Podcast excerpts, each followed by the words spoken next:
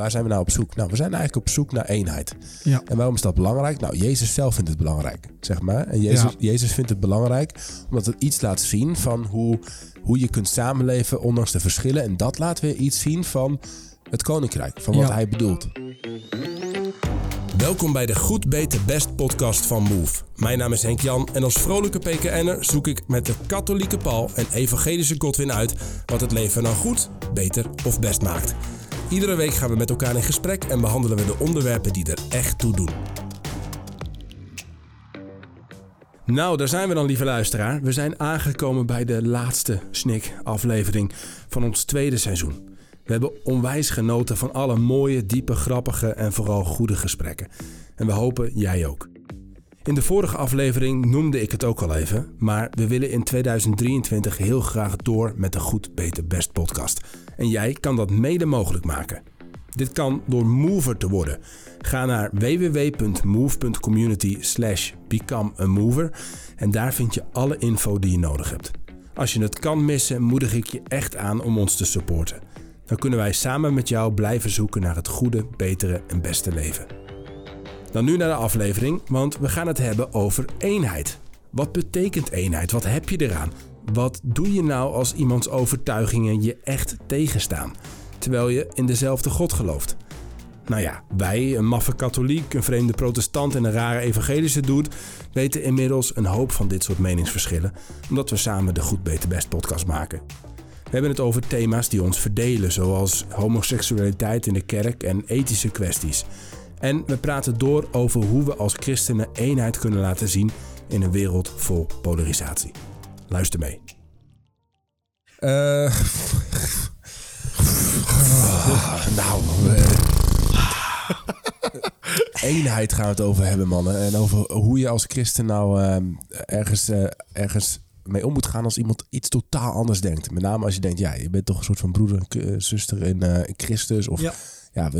weet ik veel. Hè? En dan, dan kom je soms mensen tegen en dingen tegen en denkt, oh, oh, hoe krijg ik dit nou weer rond in mijn hoofd? Want dit is wel even, even iets totaal anders dan wat ik denk. Ehm, even, eh, ik- we beginnen een beetje zo, want ik, ik beland hier ook een beetje half verkouden midden in mijn week in allerlei druktes in dit gesprek. Hoe zitten jullie er eigenlijk bij? Ehm, ja, ik vind het wel een hele interessante onderwerp, omdat ik er steeds meer en meer over leer. Ik, ik, ik kom uit een kerkgemeenschap waar eigenlijk alles binnen de kerk altijd wel te vinden was. was internationale kerk en alles was de reizen, de, de missies, de evangelische toeren, whatever we deden, was altijd vanuit en binnen de organisatie van de kerk. Of we nou naar Spanje gingen of naar Amerika um, of naar Zuid-Afrika. Het was altijd vanuit de ene kerk naar de andere kerk, maar het was altijd in dezelfde kerk. Zelfde bubbel een beetje. Bubbel, precies. Ja. En toen opeens eh, kwam ik jullie tegen. Zit je met die gekke katholieke Paul Ja. eh, opgeschreven. ik ben natuurlijk gewoon, met mij kun je niet oneens zijn. Ik ben, bedoel, ik ben heel, maar Paul, dat is wel, dat is wel eh, No, wel een lastige. ja, dus Het is, eh, ik, ik zit er vooral bij om ook te leren vandaag. Oké. Um, en ik zal waarschijnlijk dingen zeggen waarvan je denkt van... Goh, Godwin, wist je dat niet? Nee, wist ik niet. Dus eh, Nou, je, hebt, je hebt ook heel veel wijsheid te delen. Absoluut. Ik, Ja, eh, ja. ben elke, elke aflevering heb je wel weer een moment. Ja, het laatst ook weer zo. Ja, eh, wanneer we deze aflevering gaan uitzenden, weet ik nooit zo goed. Zeg maar, wat komt eerst en wat komt daarna. Maar je had, je had ook weer zo'n. zo'n eh, zo'n soms heb je even zo'n drie minuten. Dat de soort van. Dan voel ik bijna dat, dat de geest of zo even door je spreekt. En dan is het bam. Dan is het raak. en daarna verdwijnt hij weer. Ja, dat wel. Dat wel. Dan, zit je, dan zit je in de kippen of zo, weet je wel. Maar heel even dan. Ja, ja. nee, dus nee, leuk onderwerp. Ik, ik ben benieuwd. Ehm, zullen, we, zullen we eens even een... eh, en, en Paul, ben jij, ben jij, jij komt net terug uit Londen, toch? Of niet? Ja, ik kom net terug van, van, van reis en ik ga zo voor een paar dagen weer eh, weg. Noem even op, waar ben je heen geweest? Kom op, Paul, we willen het weten. Ik was in Londen voor werk en ik ga naar Stockholm voor werk. En waar nog meer? Eh, nou, ik was de week daarvoor was ik in Barcelona en drie weken geleden in Ierland. Lekker. Ja, Ja. dus, hij, dus je, je, kwam al met, je, je begint al met vliegschaamte. kwam je hier al binnen, zeg maar. Dat nee, je, niet, dat je, nee, nee, geen vliegschaamte, want Ja. Ik, ik ga niet voor de lol, ik, ik moet erheen. Maar met vliegfrustratie. Frustratie. Ja, voor al die... Nou, precies. En ik moet wel zeggen, het gesprek met Paul Schendeling... en misschien komt hij ook pas later uit in de podcast... Ja. Maar hij heeft me ook wel veel, veel bewuster gemaakt van eh, de ecologie Ja, en de dat gaaf, impact. Dus dat is wel gaaf. Misschien moet je voortaan gewoon lopen naar je bestemming en niet meer vliegen. Nou, of ik neem gewoon de elektrische auto van Godwin en ik laat hem een keertje lopen. Het- Samen met de auto eh, gewoon... Hey, weet je, misschien kan die auto voor jou ook gewoon over water. Weet je wel? Als je een Mooi. beetje geloof hebt, Godwin, dan had zij gewoon dwars over het kanaal naar Londen in die auto. Binnen jullie samen. En dan zie ik zo plop. Zo die, die plassen verdwijnen. Wat, wat, wat een Ja. ongeloof, En dan nog je. onder water ruzie aan Ja, maken met ja, elkaar. ja, Van wie de schuld had. Ja. Ja. Eh, goed. zullen we een klein rondje doen? Ehm, wat, wa- als, je, als je denkt, hè, je komt van die dingen tegen, dus christenen of, of überhaupt mensen hè, die echt totaal ergens anders over denken dan jij bent. En dat je denkt toch, ja, ja, ik ben er wel mee verbonden. Je zit in mijn familie, letterlijk. Of je bent, je zit- we, gelo- we geloven allebei in Jezus, bewijs en dat. Hè. Wat zijn de dingen waar je, die echt dwars zitten? Waar kun je nou niet bij dat iemand anders in vredesnaam zo zou denken? Wat zijn de hete hangijzen? Wat, wat zijn de dingen waarvan je de afgelopen tijd dacht... Holy... Zo, ik, ik heb een keer, was ik eh, in de Amsterdamse Poort. Toen ehm, kwam ik, zag ik wat donkere jongens staan en ze waren het evangelie aan het verkondigen. En ik dacht van, ah ja man, broeders, je weet toch? Black man, het evangelie verkondigen. Dus ik ga erbij staan. En ik denk van ja, deze mannen die eh, pakken de Bijbel en ze, ze noemen gewoon schriftgedeeltes en quoten het gewoon uit hun hoofd. Dus ik dacht van, wat? Ja man, dit, zijn- dit zijn die echte mannen. Dus op een gegeven moment begint eentje te schreeuwen en de rest schreeuwt hem na. En ik begin te luisteren wat ze zeggen en hij wijst naar me en hij zegt, ja jij, je bent de echte Black Hebrew. En ik dacht, hè? Ja, dus ik op een gegeven moment luisteren en ehm, toen, toen hij tot mij sprak, vond ik het best wel fijn. Maar toen kwam er dus ehm, een, een, een, een, een witte man aanlopen en toen wees hij naar die witte man. En hij vertelde alleen maar gekke dingen. Dat die man, doordat die, ehm, door witte mensen, zijn de donkere mensen, ehm, heel erg onderdrukt geweest. En dat zou later anders zijn als Jezus terugkomt. Dat zullen hun onze slaven zijn. Ik dacht, wow. Wow! Ja, dat ging super left. Zo van Jezus komt de slavernij herstellen. Ja, het ging Holy. echt super lef. Dus toen dacht ik van oké, Black Hebrew Lights, Black Hebrew. Ik heb daar helemaal niks mee. Terwijl ik ontzettend veel van die mannen hou. Ontzettend veel over andere dingen met ze kan praten. Maar als het over deze Ja, dus specifieke staan topics teksten gaat... uit die Bijbel te, eh, te citeren die jou aan het hart gaan, die je mooi vindt. Dus je denkt, hey, dit is iemand waar ik me in herken. En dan gaan ze een afslag in. Dat je denkt van, Ik wat snap, de- ik snap hem dat? helemaal niet. Ja. En dan vraag ik bepaalde dingen. Dan zegt ze, Jezus was donker. Kijk, het maakt mij niet uit welke kleur Jezus had. Maar dan gaan ze schriftgedeeltes opnoemen zoals... ehm, eh, dat, dat je, de Bijbel beschrijft de gedaante en hij had wol haar. En dat zegt ze, ja, dat is kroeshaar. En zijn benen waren als brons, zie je. Dat is een donkere huidskleur. Dus ze noemen dan allemaal scriptures op. En ik vind de Bijbelkennis die ze hebben gewoon geweldig. Maar de manier waarop dat wordt ge- genomen en wordt uitgesproken en hoe anderen de grond in worden gedrukt. Volgens mij zei die man ook nog zoiets van: ehm, in, de, in de hemel zullen Chinezen geen, ehm, eh, helemaal geen rank hebben. Dus die zullen iedereen slaven zijn. Echt zo, zoiets apart. Ja, jongens, ik, Wat de hek? ik dacht van dit, hier, kan ik... Ja, ik heb hem een box gegeven. Ik zeg bro, als je helder bent, want ik dacht dat hij dronken was, dan kunnen we gewoon weer een gesprek hebben. Maar er zijn echt oprecht christenen die dit geloven. Ja. Ja. Ja, bizar. Paul, wat, wat zijn de dingen waarvan jij... We gaan straks over hebben van... Hey, hoe vind je dan toch eenheid? Of waar moet je misschien ook juist afstand van nemen? Of weet ik veel wat. Hè? Maar wat zijn, wat zijn de dingen waarvan jij denkt... eh wat Nou, er hier nou? Dus meer, meer dan echt over hele specifieke inhoudelijke kwesties, waar ik ook wel soms, eh, ik bedoel, ik heb wel duidelijke mening hoor en overtuigingen. Maar twee dingen waar ik me aan erger, eh, of waar ik echt moeite mee heb. Eh, de eerste zijn wat ik zelf noem een beetje de, de, de eenheidsknuffelberen. Die, die zeggen, ja, we geloven allemaal in Jezus, dus wat maakt de rest uit? En laten we elkaar gewoon knuffelen. Dan denk ik, ja, weet je wel, je, je, poef, ik kan er echt... eh, want, eh, Je houdt je- gewoon niet van knuffelen of wat? Nee, ik hou helemaal een hekel aan knuffelen. Nee, nee, nee. dat- maar het is meer van opeens alle inhoud is relatief. Dus opeens is alle dingen waar mensen duizenden jaar over hebben nagedacht. Opeens maakt het allemaal geen zak meer uit. Nee. Het enige belangrijke is dat we allemaal houden van Jezus. Ja. En dan kan ik ook heel stellig irritant kan ik reageren. Oh ja, en wat als de ene christen dit zegt en de andere precies het tegenovergestelde? Ja. Hè, wat dan? Maakt het dan ook niet uit? Nou, dus dat is één ding waar ik me aan irriteer. En een beetje in diezelfde lijn, die slogans van de remonstranten van een aantal jaren geleden van mijn God gelooft, eh, mijn God ontstond wel met de Big Bang en mijn God trouwt wel homo's en mijn God dit en mijn... Oh, wat kon ik me aan ergeren ook. Oh, wat kon ik me... Ik, Ik vond die wel, ik vond die wel Wat- prikkelend wat- af en wat ik vond, ze, ik vond ze makkelijk. Wie was ik, dat? vond, ik vond het makkelijk commercieel goedkoop. Wie was vond dat? Wat heb ik gemist? Remonstranten. Die hadden van die posters voor op stations. Ja? Eh, waarin ze zeiden: Mijn God laat dit wel toe. Mijn God doet dit wel. Alsof, Ah, ja, alsof ja, ja. weet je, wij zijn echt gewoon een beetje. Ik vond het ook heel arrogant. Weet je wel? Van, wij laten Wij wel dingen doen. Wij zijn superieur. Ja. Wij zijn progressief. Die andere kerken die zitten onder het stof. Weet je, zo kwam het over. Oh ja, ja, ja. ja. Ja, dus dat zijn even Nou, twee dingen. dit is wel, je zit er wel lekker Ja. geïrriteerd gelijk in. We zitten, we zitten op de juiste toon. Hij We wordt weten, helemaal even rood ook wat, gewoon. we weten even wat ons, eh, ons raakt. En wat, wat, wat raakt jou? ja, wat is ik zit even te eh, kijken of ik dezelfde vurigheid van Paul kan vinden. Dat is nu wel omdat dat... dat. Ehm, nou, bij, bij mij zit het op dingen als, eh, als, als mensen... ehm, ja, homoseksualiteit is er zo één. Ja. Dus eh, christenen die, die geen ruimte maken voor, voor, voor homo's in hun gemeenschap, in hun denken, die dat. Ehm, dat ik was daar vroeger heel, heel stellig over. Van, ik vind dat, dat, dat homo's mogen trouwen, dat God houdt van homo's, dat het, dat het ook in de, in de kerk een plek moet komen, moet krijgen. Ja, komen misschien nog wel over te spreken. Maar, maar ik snap wel dat je inmiddels dat je anders vanuit de Bijbel over dat soort dingen kan denken.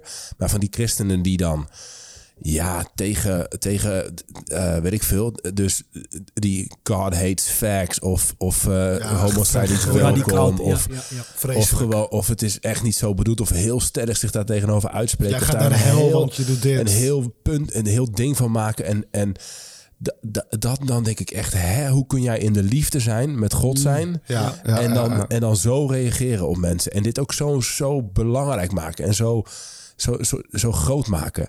Ik heb ook echt een pleurishekel aan van die FVD-jongetjes die, die, die, die, die dan het christelijk geloof kapen voor hun eigen conservatieve agenda. En, en dan een beetje gaan, Ja, gaan ja. zitten doen alsof we in de 19e eeuw leven. En dat, eh, dat de, de witte koloniaal, zeg maar, eh, ongeveer de, de standaard is. En dan, dan mijn geloof gaan zitten kapen, zeg maar, voor hun, eh, hun rechtse agenda. Ja, pleur een eind op. En ja, nou, nu kom ik ook wel, eh, ik kom ook wel een beetje Ja, los. los. Ja, ja. Nou, maar wat, wat, wat jij zegt eigenlijk, want daar kan ik me identificeren, veel breder, is wanneer mensen ideeën en overtuigingen, wanneer je ideeën en overtuigingen boven de concrete realiteit van elke mens beschouwt. Dus dan Ja. worden overtuigingen doel op zichzelf. En de mens die, er niet, die zich niet verhoudt tot die overtuiging, die kan lekker naar de hel gaan. Ja. Dus dan gaat de waarheid boven de liefde staan, om het even zo te zeggen. ja, en dat gebeurt, dat gebeurt best wel vaak natuurlijk. Ja, want eigenlijk wat ik gevoel, mijn gevoel bij dat van de remonstrant is een beetje hetzelfde. Ja.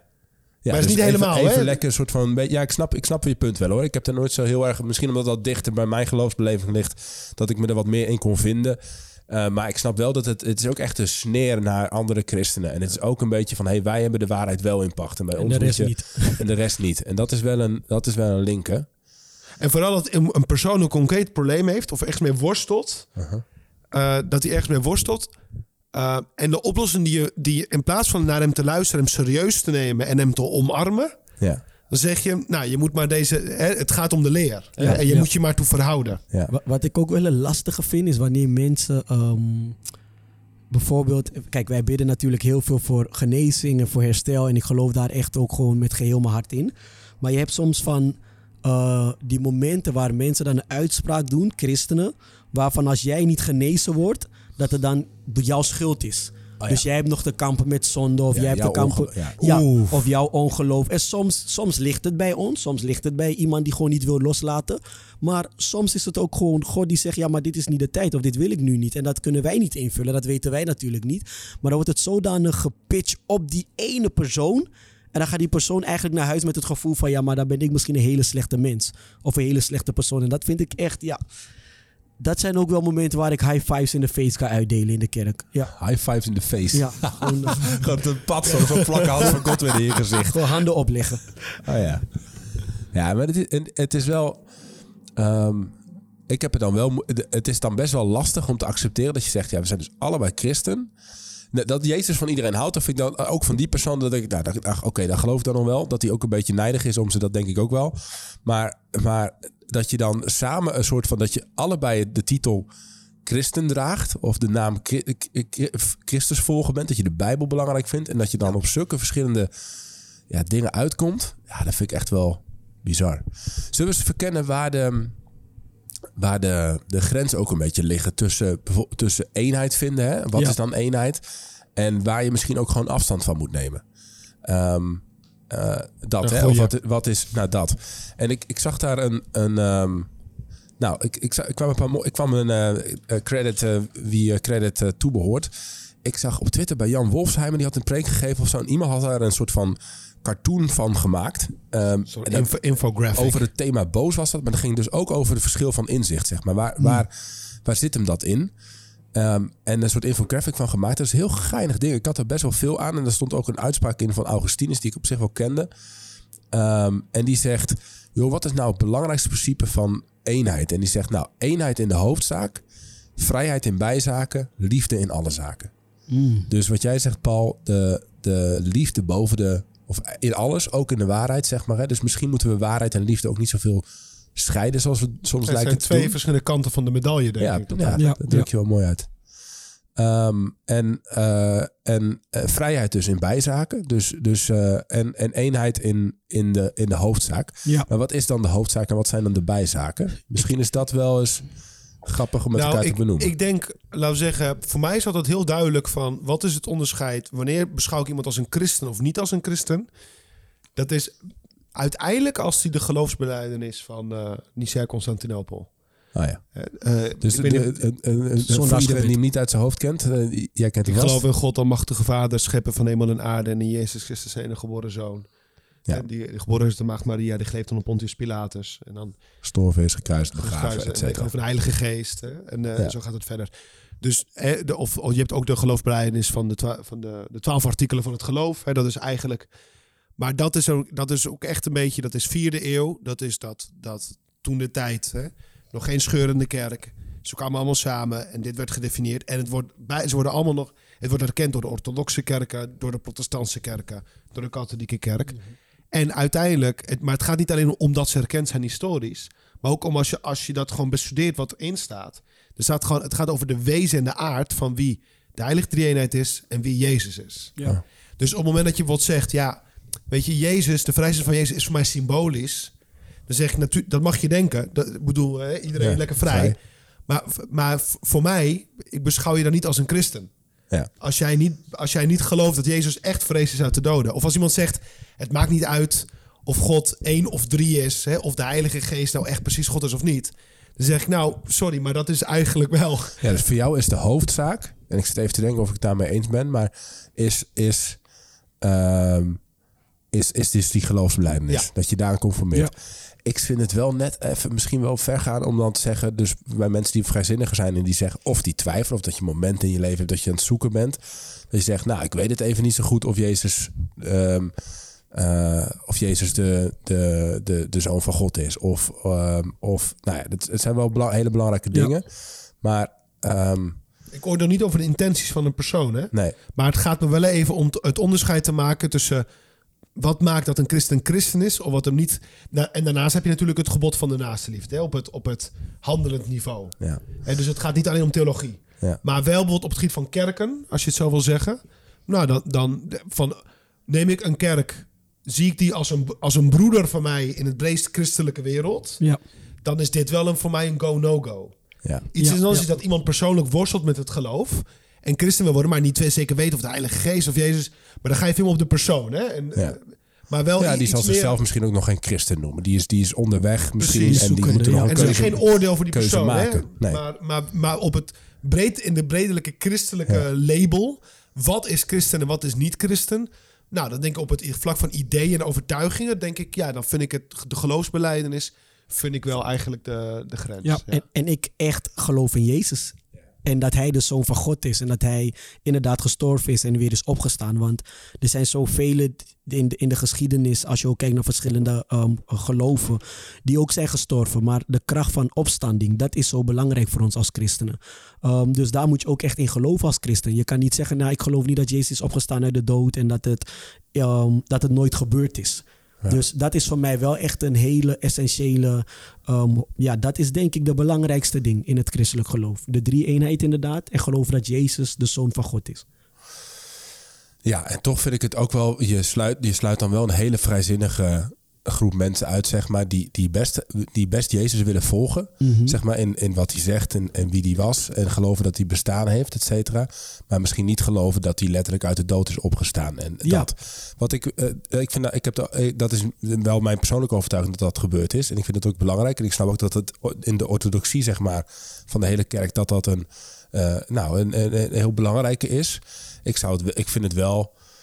ehm, nou ja, ik zou, ik zou mensen die zich christen willen noemen, zeg maar, omdat ze Christus navolgen, dat zou, dat, dat, dat, daar wil ik wel ruimte aan blijven geven of zo. Maar hoe, hoe doe je dat op het moment dat ehm, iemand dus zegt, nou ik geloof wel dus in de lessen die Jezus gegeven heeft, maar ik geloof niet dat hij gestorven Nou, dan is. en denk ik is dus, dan denk ik, en dan komen we misschien ook, want misschien moeten we niet te lang hier stil bij staan, want het is misschien beter om stil te staan bij wat nou, wat, wat als we nou gewoon die, die dingen waar we mee begonnen, hè, wat, wat als we als we merken dat we misschien best die geloofsbelijdenis onderschrijven of heel Ja. veel dingen gemeenschappelijk hebben, maar dat er dan bepaalde dingen zijn waar je echt denkt, wow, wat, wat, wat gebeurt hier? Ja, Ehm, maar ehm, het- als, mensen, als mensen het ten dele om, eh, zeg maar, eh, dan, dan denk ik ja, dan zijn we ten dele, zeg maar, zijn we, zijn we met elkaar ver- verweven, verbonden Ja. hierin. Ja, en, niet maar in het geheel. Ja, oké, maar daar ben ik natuurlijk mee eens. Maar tegelijkertijd, eh kappen maar hoor, als je denkt we gaan Ja. te diep.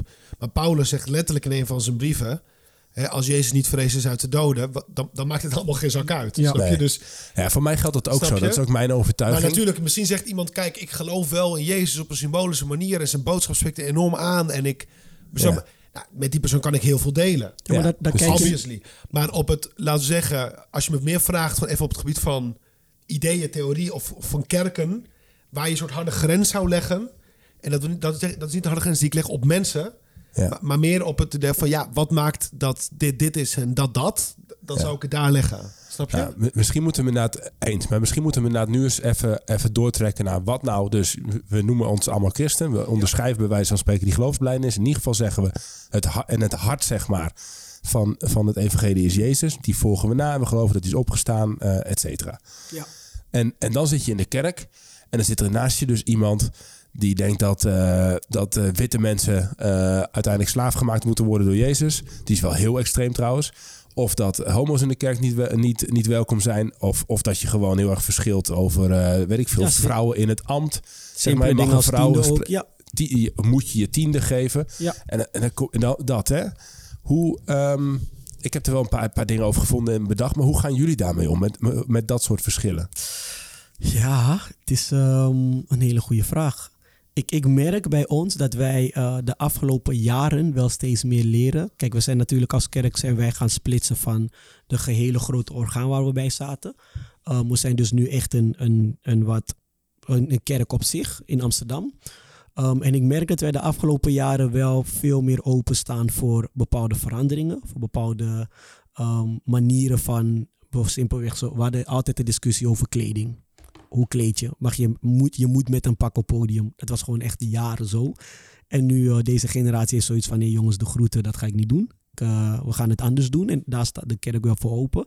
Dus ik merk dat we de afgelopen jaren wel steeds meer ruimte bieden. Maar ik zie wel dat er hele duidelijke grenzen zijn bij ja. de kerk. En een van die duidelijke grenzen is... Um, op welk gebied dan ook... moeten wij als christenen kappen met zonde. En dat, dat is op, als je in bediening wil bij ons in de kerk, is dat wel echt een hele belangrijke ding.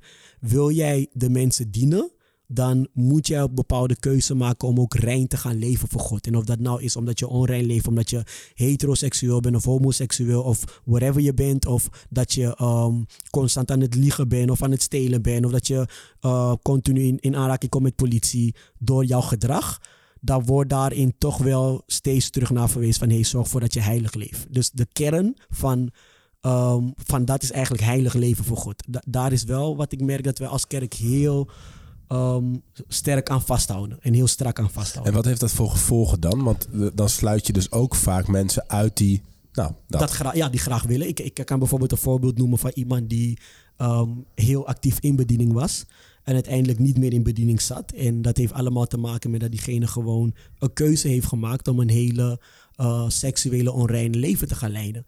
En dan is de, is de vraag best wel simpel. Wees eerlijk naar je leiders toe. Praat met je leiders erover. Um, bekeer je daarvan. En ga vooral bij God vergevenis vragen. Ga dat, dat, die reis met God aan. En dan ga je uit bediening om, dat, om daarin te gaan herstellen. Maar dan doet diegene dat niet. En dan kiest diegene ervoor in plaats van om in het proces van uitbediening te gaan herstellen, gaat diegene zich alleen maar nog meer bezighouden met seksuele onreinheden, met ieder Jan en allemaal naar bed gaan. En op een gegeven moment houdt het dan op. Dus Ja, zo'n ja. persoon sluit je dan eigenlijk wel uit. Maar je sluit die persoon niet uit omdat je zoiets hebt van... ik wil niet dat jij Ja, iets en, die, gaat en die persoon zou nog wel gewoon naar de kerk kunnen Ja, komen, tuurlijk. toch? Ja, ja, ja, ja. Hij mag alleen...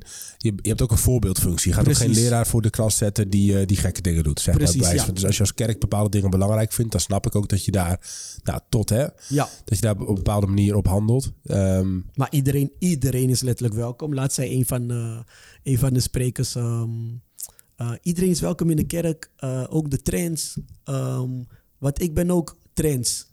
Formed by the Spirit of the Lord. Oh, die is wel pijnlijk. ja, ik dacht... Oh, zo. Ik dacht, wat zeg je? ah, ja. Maar hij wilde gewoon laten weten dat we komen allemaal gebroken de kerk binnen. Niemand is perfect. We komen allemaal zo binnen. Accepteer de mensen die binnenkomen, maar we gaan wel een proces aan van verandering, van transformation, om meer op Christus te gaan lijken. Ja.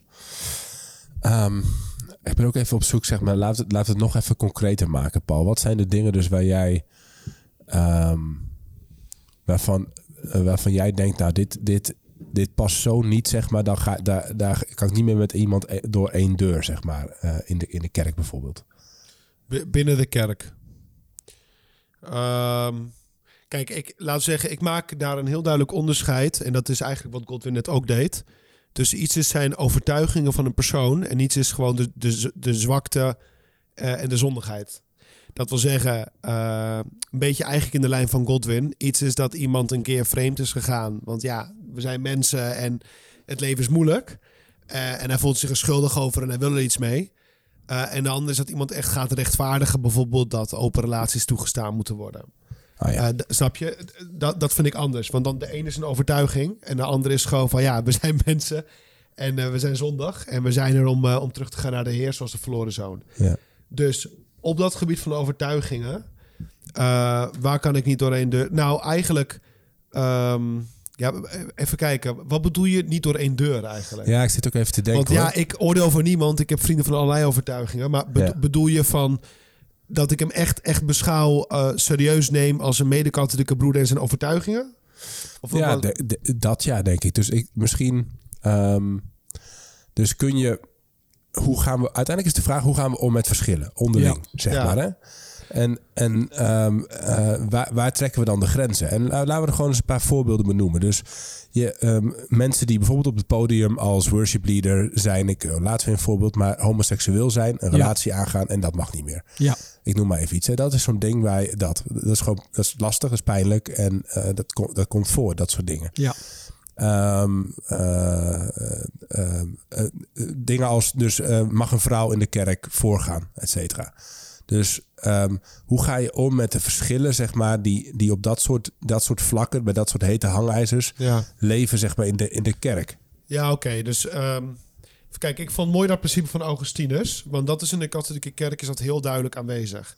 Kijk, ik zelf, ik ben gewoon katholiek en ik omarm geheel de katholieke kerk. Dus wat ik ga zeggen kan je ook wel... En ik ken, ik ken de inhoud vrij goed. Dus wat ik ga zeggen, dat kan je ook wel interpreteren als wat de katholieke kerk zegt.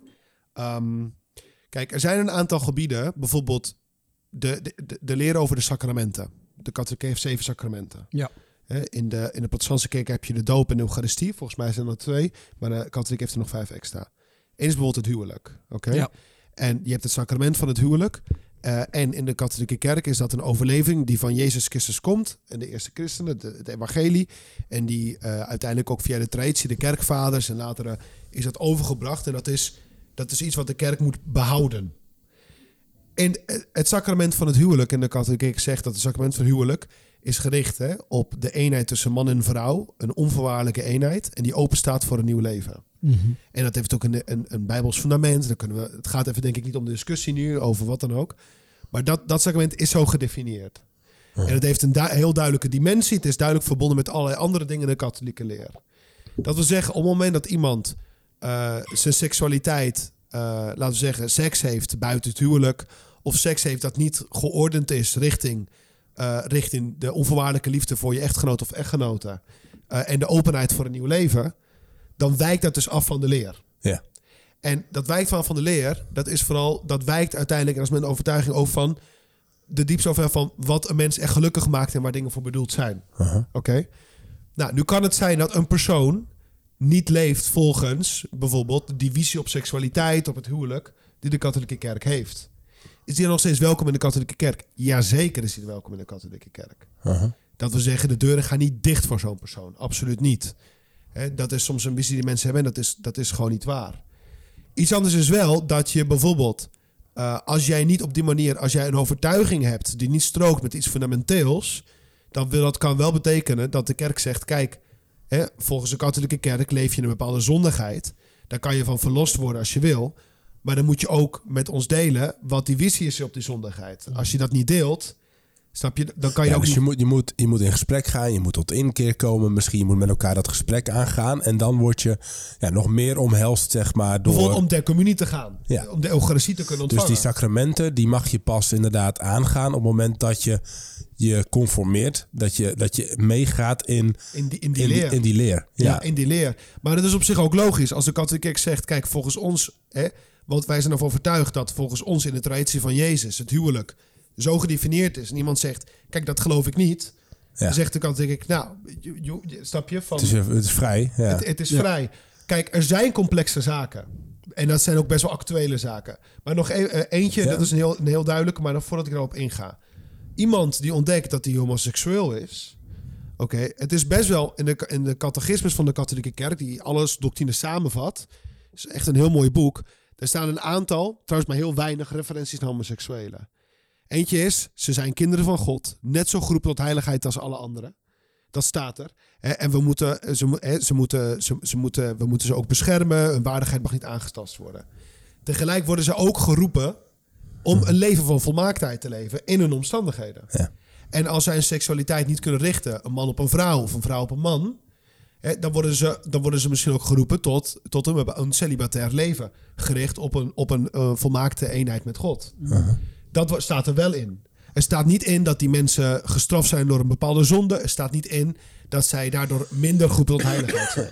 Oké, maar de leer zegt dus, als je homoseksueel bent, dan moet je, moet je in de katholieke kerk moet je celibatair leven eigenlijk. Ja. Voordat je toegang krijgt tot het huwelijk of Ja.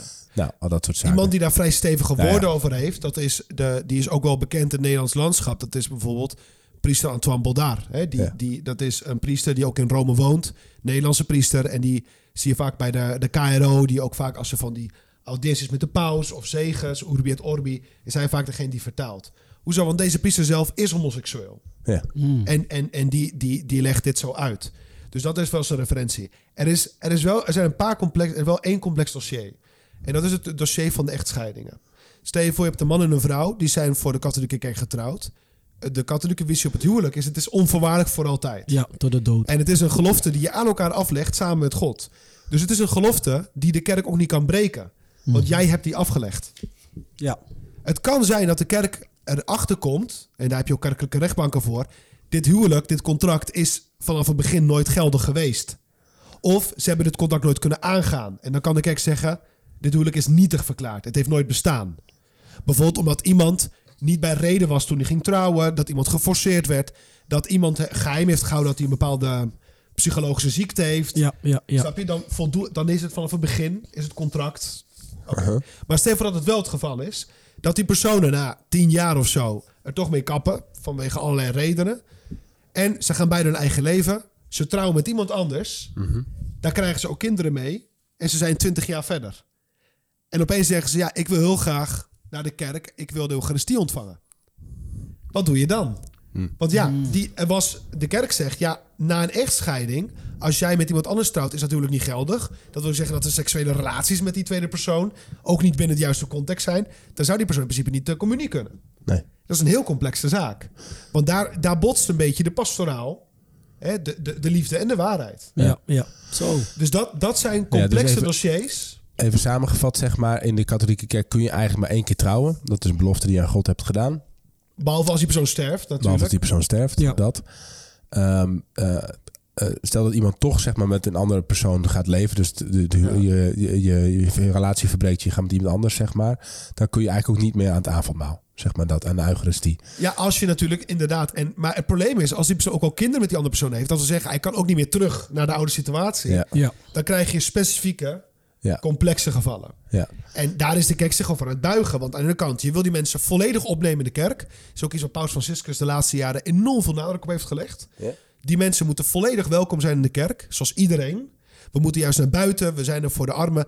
Hij, hij ver- vergelijkt ook de, de, hij zegt de katholieke kerk moet, ik vond het heel mooi, een, een, een, een militair eh, eh, ziekenhuis zijn. Huh. Hè, op het slagveld. Dat we zeggen, het leven is een strijd, mensen komen gewond. En, en we moeten daar zijn bij de mensen op het slagveld. Ja. Ja. Ja. Dus ook als je relatie kapot gaat. Als ook je relatie als kapot, dat- als je zo of zus, je bent verslaafd, je hebt dit probleem, je leven is helemaal naar de, naar de kloten gegaan, wat dan ook. Wij staan met open armen. Ja. Maar tegelijkertijd heb je ook een traditie en een boodschap van Christus die we overdragen. En soms zijn daar spanningen. Ja. Ja.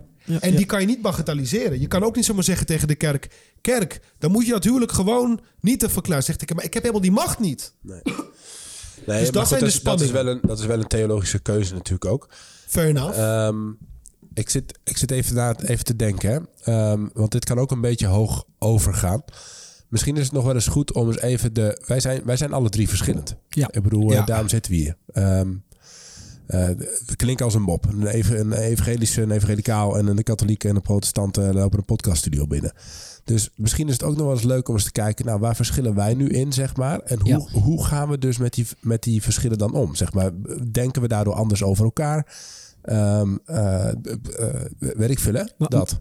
Zullen we hem op een... ik, heb, ik heb wel een leuke. Oké. We hebben alle drie een kerk. Ja. Dan ga ik gewoon vragen stellen en het antwoord is ja of nee. Mag dat in jouw kerk of mag Oké. het niet? Ja. Dat is eigenlijk heel simpel.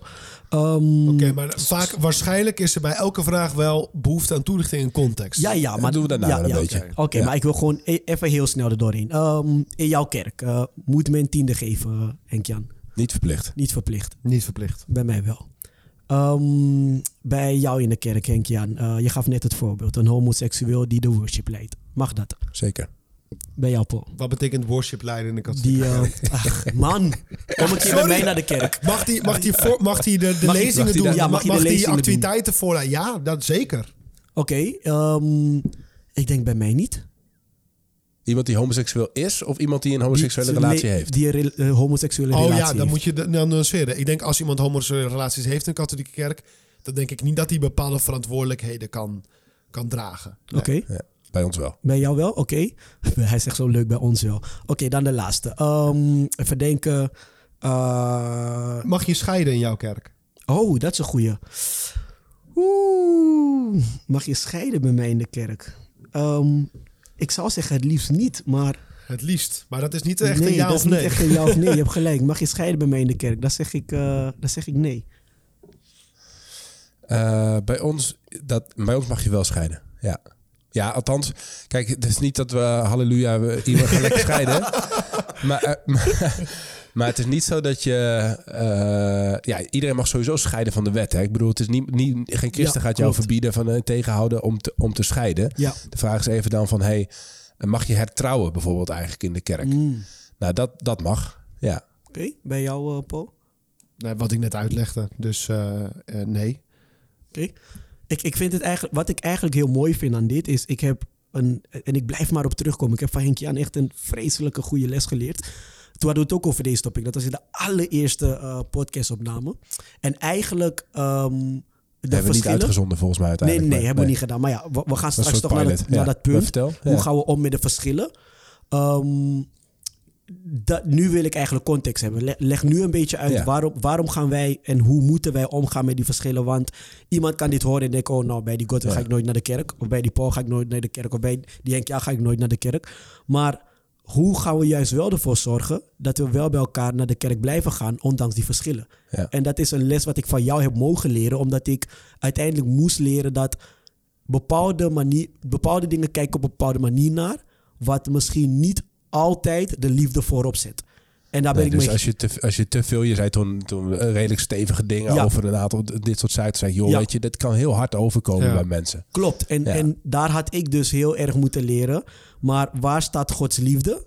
En hoe ga je vanuit die liefde de waarheid spreken? En hoe kan je, ondanks mijn waarheid misschien een hele andere waarheid is dan jouw waarheid, Ja. hoe kunnen we ondanks dat nog steeds hetzelfde doen? Dus zouden wij, en dat weet ik, wij zouden, want dan zouden we hier niet zitten, nog steeds de evangelie samen kunnen verkondigen. Gewoon lekker buiten. Ja. Terwijl we aan Hey, en dat tafel anders denken. Ja, en dat komt, en dat is misschien dan goed om even, even stil te staan bij wat zijn hoofd- en bijzaken. Kijk, wij, zijn, wij, zijn, wij zijn broeders, zo ervaren we dat denk ik. Vrienden geworden, maar, maar ook gewoon in het geloof. Omdat we zeggen, Jezus is voor ons centraal. Ja. Zeg maar, Jezus is het hart. D- dat, staat, dat is de kern, zeg maar. Ja. Dat, hè? En dan, dan, ik zag dus eh, op dat plaatje wat ik, eh, eh, wat ik tegenkwam. Dan heb je daarachter heb je eigenlijk, eigenlijk nog, nog drie dingen. Of nog drie, vier dingen. Dat zijn dogma's, doctrines en opinies. Dat klinkt allemaal nog wel heftig. Maar een dogma is dus bijvoorbeeld... Jezus is God of niet. Of Jezus Ja. was alleen mens. Precies, Jezus verrees uit de doden. Dat. Nou, dat, is, dat zit al best wel dicht bij de hoofdzaak. Ja. De, de ring daar buitenom is, eh, daarbuiten weer is doctrines. Dus eh, een, een kinderdoop of een volwassen doop, zeg maar. Hè? Dat is iets, je zou kunnen zeggen, weer ietsje minder belangrijk. Ja. Ietsje, ietsje meer bijzaak, maar voor, voor veel mensen nog steeds wel belangrijk. En daar, daarachter heb je zeg maar opinies. Dat zou een visie op gender kunnen zijn. ja, of kleding. op Ja, kleding ja, of ja. weet ik veel, dat, soort zaken. Nou, visogender, ik weet niet of ik dat op Ja, dus er zit wel een verschil in. Hè? Voor de een kan een opinie ook een doctrine zijn wellicht. hè. Dus voor Maar- iemand dat. maar zo, zo denk ik wel dat we... En wat jij nu aanraakt op een aantal vlakken... zeg maar de, de vragen die je stelt over homoseksualiteit... of over echtscheiden of, of, of dat soort zaken... dat zit hem dus wat mij betreft meer bij die doctrines en die opinies... Ja. dan bij, de, bij het hart. Ja. En Ja, daarom kunnen we goed met elkaar... Toch? Nou, ik, ik ben een beetje in de war eigenlijk. Want ehm, ik denk dat de twee dingen door elkaar halen. Oké. Eh, want kijk, voor mijn part, als, als, eh, als ik hier aan tafel zat met, met iemand, eh Stefan de Godwin was een agnost en, eh, en jij was een moslim, dan hadden we net zo deze gesprekken kunnen hebben, terwijl we misschien enorm veel dogma's niet eens met elkaar delen. Dus wat ik wil zeggen is, ik denk dat de twee dingen ehm, een beetje uit elkaar moeten halen, ook meer in het gesprek erover. Eén is als we het echt hebben over de verschillende kerken en daarmee de, de kerken die, waar, wij aan, waar wij in beleiden. En hoe die elkaar meer kunnen naderen. Ja. En wat daarin, hè, bijvoorbeeld, dan kan je inderdaad zeggen: kijk, dat jouw ke- kerk een claimvoorschrift heeft en de mijne niet. Ja. Dat zou ons niet ervan belemmeren om bijvoorbeeld één kerk te worden. Maar dan zou dat misschien wel zijn hè, dat jij bepaalde sacramenten wel of niet herkent. Ja. Fair enough. Dat is een discussie die je voert op dat niveau. Maar iets anders is dat jij en ik, wij met z'n drieën, dat wij alle drie een verlangen hebben om Jezus te beminnen en om hem te laten kennen. Dat we daar wel verschil in kunnen hebben. Maar wat zouden de belemmeringen zijn voor onze vriendschap, voor ons vertrouwen en voor de manier hoe wij met elkaar leven en hoe we met elkaar praten? Ja. Want ik denk dat we die twee wel een beetje. lo- lo- nou, los van ook. Het, zijn wel, het zit op twee andere niveaus, snap je? Ja. Ehm, Nou ja, maar, maar we zeiden van hey, eenheid of eenheidsworst, hè? Oké, en dan, dan is mijn vraag: waar is dat op gericht? Die eenheid en het worst. Wat, Ja, wat- nou, dus dat is misschien een goede vraag. Want Jezus heeft het over eenheid, hè? Ja. Ehm, misschien, misschien goed om even een klein stukje te luisteren van Hanne de Vries. Die heeft hier, eh, die, wij maken ook de Wake Me Up podcast. Eh, dat doen we alle drie en samen met anderen. En Hanne die doet dat ook. En Oh, dat die, is een van de eerste die verscheen volgens mij, die, toch? eh, ja, en die, die nam een tijdje terug een, een, een berichtje op zeg maar, over eenheid. Iets wat hij zelf heel erg mee aan het worstelen is en heel over nagedacht heeft.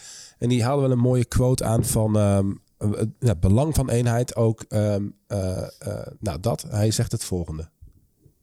Kan ik iemand die zo anders is toch zien als een zus of broer? Justin Welby, de aartsbisschop van Canterbury en de hoofd van de Anglikaanse kerk in Engeland, zei onlangs iets moois in een interview. Hij zei: Dit is het moment voor christenen om aan de wereld te laten zien hoe je met elkaar kunt leven, ondanks verschillen. In een tijd van grote polarisatie en verschillen, ook onder christenen, vond ik dat wel een mooie, maar ook uitdagende boodschap. Maar ik denk dat hij een punt heeft. Het is eigenlijk heel werelds om in hokjes en vakjes te denken. Om de verschillen te benadrukken in plaats van de overeenkomsten. Dat gebeurt altijd en overal al. Maar Jezus laat een hogere weg zien. Het is alsof hij zegt: Vind elkaar niet in een overtuiging of een mening of een standpunt, maar vind elkaar in de liefde. Dat is ook waar Jezus voor bidt in Johannes 17, vers 20 en 21. Hij vraagt zijn Vader dat wij één zijn, zodat de wereld zal zien dat God Jezus gezonden heeft. Nou, de hele overdenking die ehm, eh, eh, schrijf je in voor Wake Me Up. En dan krijg je meer van dit soort mooie overdenkingen in de ochtend. Ehm, maar dit is wel, dus misschien is het goed om dat als vertrekpunt te nemen. Ik merk dat Ja. we heel erg aan het worstelen en aan het zoeken zijn in dit gesprek ook. Omdat, wat is nou, waar zijn we nou op zoek? Nou, we zijn eigenlijk op zoek naar eenheid. Ja. En waarom is dat belangrijk? Nou, Jezus zelf vindt het belangrijk, zeg maar. En Jezus, Ja. Jezus vindt het belangrijk omdat het iets laat zien van hoe, hoe je kunt samenleven ondanks de verschillen. En dat laat weer iets zien van het koninkrijk, van wat hij bedoelt. Zeg maar dat. En dat is wat die Justin Welby nu ook zegt. We leven in een wereld waarin op allerlei vlakken mensen elkaar naar het leven staan, zeg maar. Van eh, progressieve wokers tot aan conservatieve FVD'ers, van Trump-aanhangers tot aan Biden, tot aan nou, eh, de- eh, boze eh, D66'ers en, eh, en, en eh, weet ik dat. Hè, op alle vlakken ehm, hebben eh, zwart-wit, op allerlei vlakken hebben mensen, mensen moeite om eenheid te vinden. Ja. En hoe tof is het dan als wij als christenen kunnen zeggen: hé, hey, zwaar, weet je, er zijn verschillen, eh, ook in de kerk, eh, maar toch vinden we een manier om samen te leven, om Ja. elkaar te eren, om, om liefdevol met elkaar om te gaan. Dat moet de inzet zijn. Dus laten we dus ontdekken in de rest van dit gesprek, eh, bijvoorbeeld op die dingen die je net aanhaalde, hè, Godwin, van hey, Ja. hoe ga je daar nou mee om op een liefdevolle manier, waarmee je iets laat zien eerder van eenheid dan van verdeeldheid. Ja. Ik vind ehm, een heel mooi vertrekpunt, had ik al een keertje aan jullie verteld recent, is, eh, is het vertrekpunt die wordt uitgelegd in de, de laatste aflevering van het tweede seizoen van The Chosen. Cool. The Chosen is die fantastische serie over het leven van Jezus. Ja. Je kunt gratis kijken online. Eh, download de Chosen app op je telefoon of zoek het even op op YouTube. Ja. Nou. En want daarin, dan is de, de heel tweede seizoen is eigenlijk een soort voorbereiding op de bergreden. Ja. Van Matthäus, hoofdstuk 5 tot 7 Ja. volgens mij. En eh, in de laatste, wat Jezus uiteindelijk heeft een gesprek met Matthäus. Hij is aan het voorbereiden zijn preek. En dan zegt hij hem ook, zegt hij hem letterlijk. Degene die mij willen vinden, moeten mij zoeken bij deze groepen mensen. En dan refereert hij aan de groepen van de zalensprekingen. Ja. De armen van geest, de barmhartigen, degene die rechtvaardigheid zoeken. En ik vind het een heel mooi vertrekpunt, ook een beetje in de lijn van wat Godwin ook eerder zei over zijn eigen kerk. Van kijk, als wij alle een oprecht verlangen hebben naar heiligheid, dat we allemaal echt zoeken, ik wil Christus navolgen en dat wil ik dus doen vanuit de liefde, want dat is Christus navolgen. Dan ga je op een heel andere manier kijken, want dan, dan ben je met elkaar verenigd. Soms kom je ook hindernissen tegen. En de manier om die hindernissen op te lossen is om te kijken, wat is het beste, wat is het beste om Christus te volgen? Ja. Snap je? Dus dan, krijgt het ander, dan ga je ook veel meer doelgeoriënteerd richting de liefde. Ga je met elkaar... Ja, dus dan wordt niet de vraag wie heeft er gelijk, Nee. zeg maar dat. Hè, maar wordt de vraag hoe laten we hier het meest zien van de liefde. Ja, en, durf ook van elkaar te leren. Kijk, ik, ik ben opgevoed. ehm, kan je misschien zeggen heel, ouderwets, heel ouderwets, heel zwart-wit. Dit zegt de Bijbel, dat zegt de Bijbel niet. Dit is fout, dit is goed. Zo heeft mijn oma me opgevoed. Ja. Het heeft heel veel eh, positieve kanten gehad, want ik heb er heel veel, ontzettend veel van geleerd. Maar aan de andere kant denk ik ook heel zwart-wit over bepaalde onderwerpen. En ik heb moeten leren dat ik eh, niet altijd alles weet, niet altijd de waarheid weet, ondanks het wel voor mij mijn waarheid is en waar ik dan geloof, dit zegt de Bijbel. Ehm, heb ik moeten leren, ja, maar ehm, kan je er ook anders naar kijken? Durf je Oh ja. in gesprek te gaan zonder dat jij het gevoel hebt dat ik jouw waarheid afpak? Maar Ja. durf je daar breder naar te kijken? En dat is wat ik de afgelopen jaren gewoon steeds meer leer. Wil dat zeggen dat ik gelijk verandering heb in hoe ik over bepaalde dingen denk? Nee. Maar ik leer wel. Hey, maar misschien kan je er toch iets anders naar kijken. Misschien ehm, hoef je je overtuiging Wat niet... heb je, wat heb je bijvoorbeeld, ik ben wel benieuwd, wat, wat hebben we van elkaar geleerd? We zijn verschillen allemaal. Ja, ik, ik denk als ik, als ik de afgelopen jaar kijk naar de, de podcast dat we hebben opgenomen, ehm, heb, ik aan, heb ik van Paul, als ik kijk naar Paul, heel erg geleerd hoe ga je die ehm, relatie met Jezus aan zonder jezelf te verwijten als je in bepaalde zondes of situaties leeft. Je mag altijd terug. Dus er is altijd een deur naar Jezus Genade. genade. Vanuit jou heb ik heel erg geleerd, iedereen kan naar Jezus. En dat is zo apart dat ik dat zeg, want eigenlijk geloof je dat als christen altijd. Iedereen mag naar Jezus, maar nog steeds hebben wij nog steeds die kaders. Als ik simpelweg kijk naar hoe ik ehm, in het begin binnen de podcast binnenstapte, had ik inderdaad, iedereen mag naar Jezus, maar dit en dit en dit en dit en dit moet je wel aan voldoen. Oh ja. En dat komt eigenlijk allemaal vanuit de overtuigingen waarvan ik oprecht geloof, als je zo leeft, zou het heel goed voor je zijn. Maar die overtuigingen hoeven niet belemmeringen te zijn om tot Jezus te kunnen komen. Nee, er, zijn dus, is wat meer ruimte gekomen voor andere belevingen. Men- Mensen en andere tra- tradities en andere levenservaringen die, Ja. die ook bij Jezus eh ja, no- noem, mogen noem maar op de mensen die, zoals je net zei, gescheiden zijn. De homoseksuelen. De mensen die ehm, eh, gewoon echt dat, dat soort heftige topics waar we het als christenen altijd over hebben. Dat zijn topics waar ik steeds meer van leer. Ja, ik denk er misschien op een bepaalde manier over. Maar de weg naar ook- Jezus is veel breder dan wat ik alleen soms kan zien. Ja, gaaf van. Ehm ben ook wel benieuwd naar jou en naar mijn antwoord hoor. Maar even daarop ingaan nog. Ehm, even een voorbeeld ook zeg maar van wat ik daar de afgelopen jaar ook nog in ontdekt heb. Ik was best wel, jij zegt, jij was zwart-wit hè, opgegroeid. Ik was eh, misschien wel minder zwart-wit, maar wel eh, bijvoorbeeld op het punt van homoseksualiteit was ik best wel zwart-wit. Eh, een paar jaar geleden gingen wij als in onze kerk een, proces aan waarin we ons gingen bezinnen op homoseksualiteit. Wat, moesten, wat moet daar nou mee? Zeg maar, mogen homo's trouwen in de kerk? Mogen ze, Ja. mogen ze dit, dat? Daar gingen ze een proces over aan met elkaar, gingen we over praten en bladibla. Ehm en ik schreef ongeveer de eerste week dat dat naar buiten, schreef ik een, een mail naar mijn dominee. Ik zeg, als hier uitkomt of als hier zus of zo komt dat homo's niet welkom zijn, niet kunnen trouwen, ja, dan, dan kom ik in gewetensnood en dan ben ik eh, weg hier. En eh, ongeveer, hè, van eh, dat, dat, dat, dat. En ehm, in het proces, dus dat was ook best wel zwart-wit, Ja. zeg maar. En nog steeds is mijn overtuiging, ik vind dat homo's volwaardig op alle manieren, zeg maar, onderdeel van de kerk zouden moeten zijn. Maar ik heb in dat proces wel ontdekt dat je als christenen op verschillende theologische basis tot verschillende conclusies kan komen hoe je Ja. de Bijbel daarover interpreteert. En dat dat niet hoeft te betekenen dat je, dat je, elka- dat je dan geen christen bent. Of dat je, Ja. dat je, een- of dat je Een met elkaar bent. een hondenlul bent. eh, helemaal. ja. Of dat je dat, dat hè. Dus, eh, en dat er ook eh, homoseksuele christenen zijn die bewust kiezen voor het celibaat. Dus bij ons in de kerk kwam eigenlijk was de, was de lijn daarin van nou, weet je, je kunt op vier verschillende manieren kijken naar hoe de Bijbel daarover praat ongeveer. Ja. Daar zit allemaal een stukje waarheid in. En, en dat.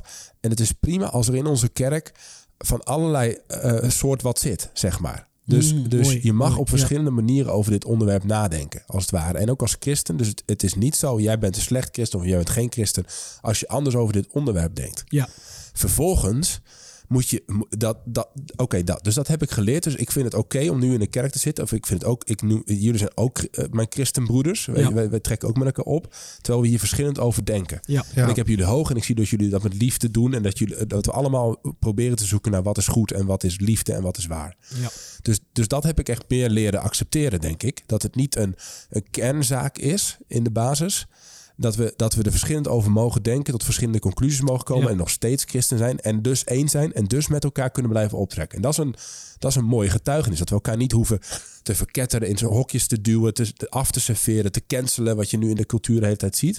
Dus, dus dat vind ik belangrijk. En tegelijkertijd moet je vervolgens als kerk wel beleid maken. Dat klinkt dan even op zoiets. Dus je, je moet een- beleiden, je moet aankondigen wat, wat, waar wat- wij voor waar staan. ligt. Dus, Ja. dus je moet wel aan de hand van zo'n traject... En, en, en ondanks dat je zegt, we mogen hier verschillend over denken... moet je op een gegeven moment keuzes gaan maken. Want je, hebt ook, je zit ook gewoon in een systeem en in een bepaalde Ja. kerk. Dus waar de, kerk van, de katholieke kerk van Paul... Kijk, op, jullie hoeven op lokaal niveau eigenlijk nooit zo heel erg over dit soort dingen na te denken. Want dit is, wordt gewoon in de, in het door Rome even plat gezegd beslist. Ehm, eh, al, al, al honderden jaren. Eh, jullie kiezen het heel erg, denk ik, op, eh, zoeken het heel erg op in je eigen Ja. kerk uit, allemaal Godwin. Wat, Klopt. wat daarin eh, waar is. Nou, bij ons in de protestantse kerk is dat een beetje een mix. Ehm, maar in de basis moesten we er als kerk zelf nu over beslissen van, hé, hey, wat is... Wat, wat is dan het beleid? Zeg maar, mogen homo's hier getrouwd worden? Mogen ze inderdaad voorgaan? Mogen Ja. dat, hè? Als ze een, als ze een relatie hebben, dat. Ja. Nou, daar is dus wel een keuze gemaakt. Dus bij ons is die keuze, ja, homo's kunnen gezegend worden als ze gaan trouwen. Ja. Er zit nog, nog weer niet ingezegend, er zit nog een klein verschil tussen. Maar er, er zijn dus op een aantal vlakken wel keuzes gemaakt. Op basis ook van wat er in de gemeente leeft en wat, wat de overtuiging is. Maar daarbij wordt in ieder geval wel gezegd van... hé, hey, er is ook ruimte voor andere standpunten. Ja. Ja, we doen het hier als kerk zo. Maar nee, je hoeft niet... Je, eh, je hoeft je niet, niet... Er is ook ruimte voor jouw standpunt in deze, in deze kerk. Ja. En dat vind ik wel heel prettig. Bij ons is ook en kinderdoop en volwassen doop. Je kunt vanuit de Bijbel voor beide zeggen... joh, ja, voor allebei zijn best goede papieren. Ja. ja, kies het zelf maar. Ik, ik denk wat, wat de kracht in dit ook is, is dat, ehm, en dat, dat schiet me net te binnen, is dat in plaats van dat we de verschillen gaan benoemen als ik vind ehm, dit anders, dat we misschien moeten kijken naar maar wat leer ik wel uit jouw verschillen, jouw manier van denken. Ja. Als ik bijvoorbeeld kijk Ja, naar het voorbeeld wat je net geeft, kan ik eigenlijk zeggen, ehm, ik leer van jou dat er, ehm, hoe ik ook met mensen moet omgaan waar ik misschien andere gedachten over heb. Dat is wat ik heel erg moest leren. Ja. Um, en ik, ik heb een vriend die, is, um, um, die heeft homoseksuele gevoelens en die is op een gegeven moment een kerk uitgestuurd. Oh ja. En ik las het op Facebook en ik brak, want ik dacht van ja, dat is wel de manier waarop mensen zich, zich voelen. Ja. En dan praten we over dat we christenen zijn en dat we elkaar lief hebben. Maar kan ik als Godwin ruimte bieden om dezelfde liefde te tonen aan diezelfde broeder, terwijl hij overal wordt afgewezen om dezelfde gedachten die ik misschien heb? En ik heb dat echt op een gegeven moment gewoon moeten omzetten en zeggen: hé hey bro, laat, laten, we, laten we chillen. Laat, laten we even samenkomen, laten we kijken hoe het met je gaat. En ik ben echt een people's person, dus ik kan, niet, ik kan er niet over mijn hart krijgen om te zien dat iemand pijn lijdt en daar dan gewoon voorbij te gaan. Ja, goud. Ik denk wat, wat, wat, ik, wat ik heel belangrijk vind, is... ehm, kijk, bepaalde dingen, volgens mij, hebben ten diepste niet heel veel, niet een, een, heel veel invloed op het menselijk geluk. Of je zo of zus. Bijvoorbeeld, hè, of je deze liedje of die andere zingt, of dit... Er zijn Ja, bepaalde wat- dingen ja, die gewoon net wat relatief- orgel of eh worship band Ja, of Precies, dat is, eh, dat is allemaal gewoon wat, dat is wat relatiever. Dat is de beleving van een ieder. Waar het om gaat is dat jij, eh, gebaseerd op de Bijbel, op de traditie, op Christus, dat jij overtuigingen hebt Ja. over wat de mens gelukkig maakt of niet. Want dat moet altijd Nou, wat, wat goed is ook in, de- in Gods koninkrijk. Wat goed is voor. God, toch? Ja, Dat is oké, maar dat voor is mij, is dat, voor, mij, voor is dat echt synoniem. Oké. Het ware geluk Ja. en, en, en de wil van God in je leven Oké. vervullen, staat het is goed dat je het zegt. Ja. En dus voor mij is daar Maar het geen... gaat niet alleen om, om wat jou even lekker gevoel geeft. Maar Nee, nee, dat. nee, maar- en- maar ga, verder. Ja. Een heel duidelijk voorbeeld. Ja. De tien geboden. Ja. De tien geboden. Uiteindelijk, het christendom draait om veel meer dan de tien geboden. Het draait, de, de bergreden is juist een vervulling van een tien geboden, et cetera. Maar de tien geboden staan daar niet zozeer omdat God leuke dingen wil verbieden. Omdat God je een minimale structuur wil geven om te zeggen... Kijk, als je, de, als je, als je deze geboden overtreedt, dan ga je echt een zuur leven leiden. Oh, ja. Snap je? ja, natuurlijk. Als je iemand omlegt, dat, dat, gaat, Precies. dat gaat hè? nooit goed Als je zijn je, voor je je. ouders niet eert, als je, Ja. als je gaat stelen, Nee, wat ja. dan ook, de vrouw van je broer, bla bla bla. Of, of alleen maar met jaloezie vervuld bent. Ja. Dat gaat je zuur maken. Ja. Dus op het moment dat iemand mij zegt, ja weet je, dat zesde of dat zevende of dat derde gebod, dat zouden we af moeten schaffen. Dan zeg ik, kijk, het is, dit, is, dit is een kwestie van, ik blijf dit benadrukken, want ik ben ervan overtuigd dat het de weg naar het geluk is. Ja. En dat is ook, want laten we zeggen, waar we voor moeten oppassen, denk ik, is in de katholieke kerk en protestantse kerken en zeker ook in de seculiere wereld, is de ideologisering hè, van de overtuigingen. Ja. Wat we altijd voor het ogen moeten hebben, en ik heb hier nog een heel gevoelig voorbeeld. Wat we altijd voor ogen hebben is, wat maakt de mens ten diepste gelukkig? Ten diepste, lang, lange termijn. Wat geeft zin aan zijn leven en wat, wat brengt hem naar Gods koninkrijk? Oké. Een heel, een heel duidelijk voorbeeld. De, de kwestie van transgenderoperaties, zeker bij kinderen. Oh, ja. Je kan je daartegen verzetten omdat je zegt, ja sorry, de, de Bijbel staat dit niet toe.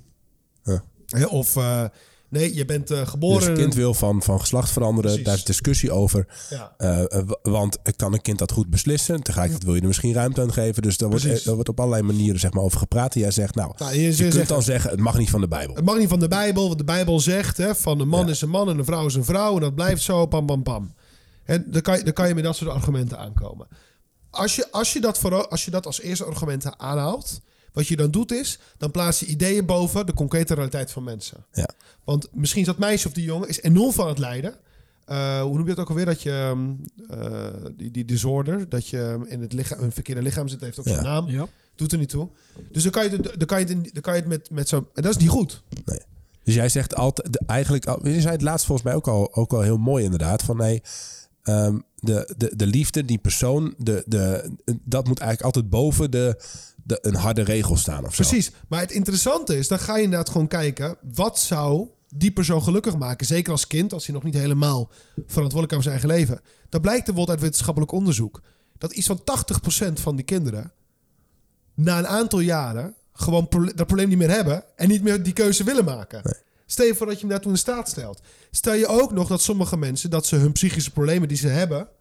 dat ze met die transgender operatie, dat ze helemaal niet genezen worden, maar die zelfs zwaarder worden. Ja.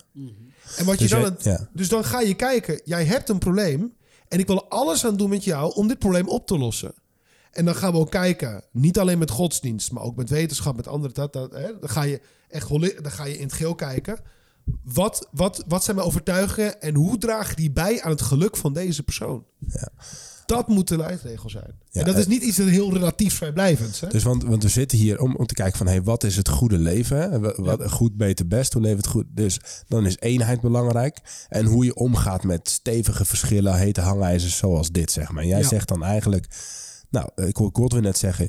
Je moet luisteren. Je moet, je moet, weet je, dat zwart-wit denken... Er zijn, er zijn meer mogelijkheden, zeg maar...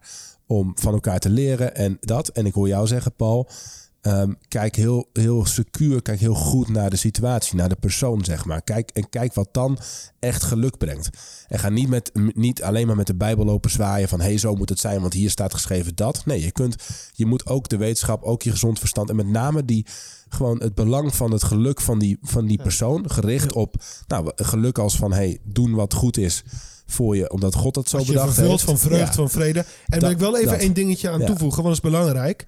En het gaat er dus om dat we ontdekken hoe de menswording van Jezus, hoe Jezus' boodschap echt kan bijdragen aan het geluk van elke mens. En dan ontdek je dat er bepaalde dingen zijn, zegt dit draagt niet bij aan het geluk van elke mens.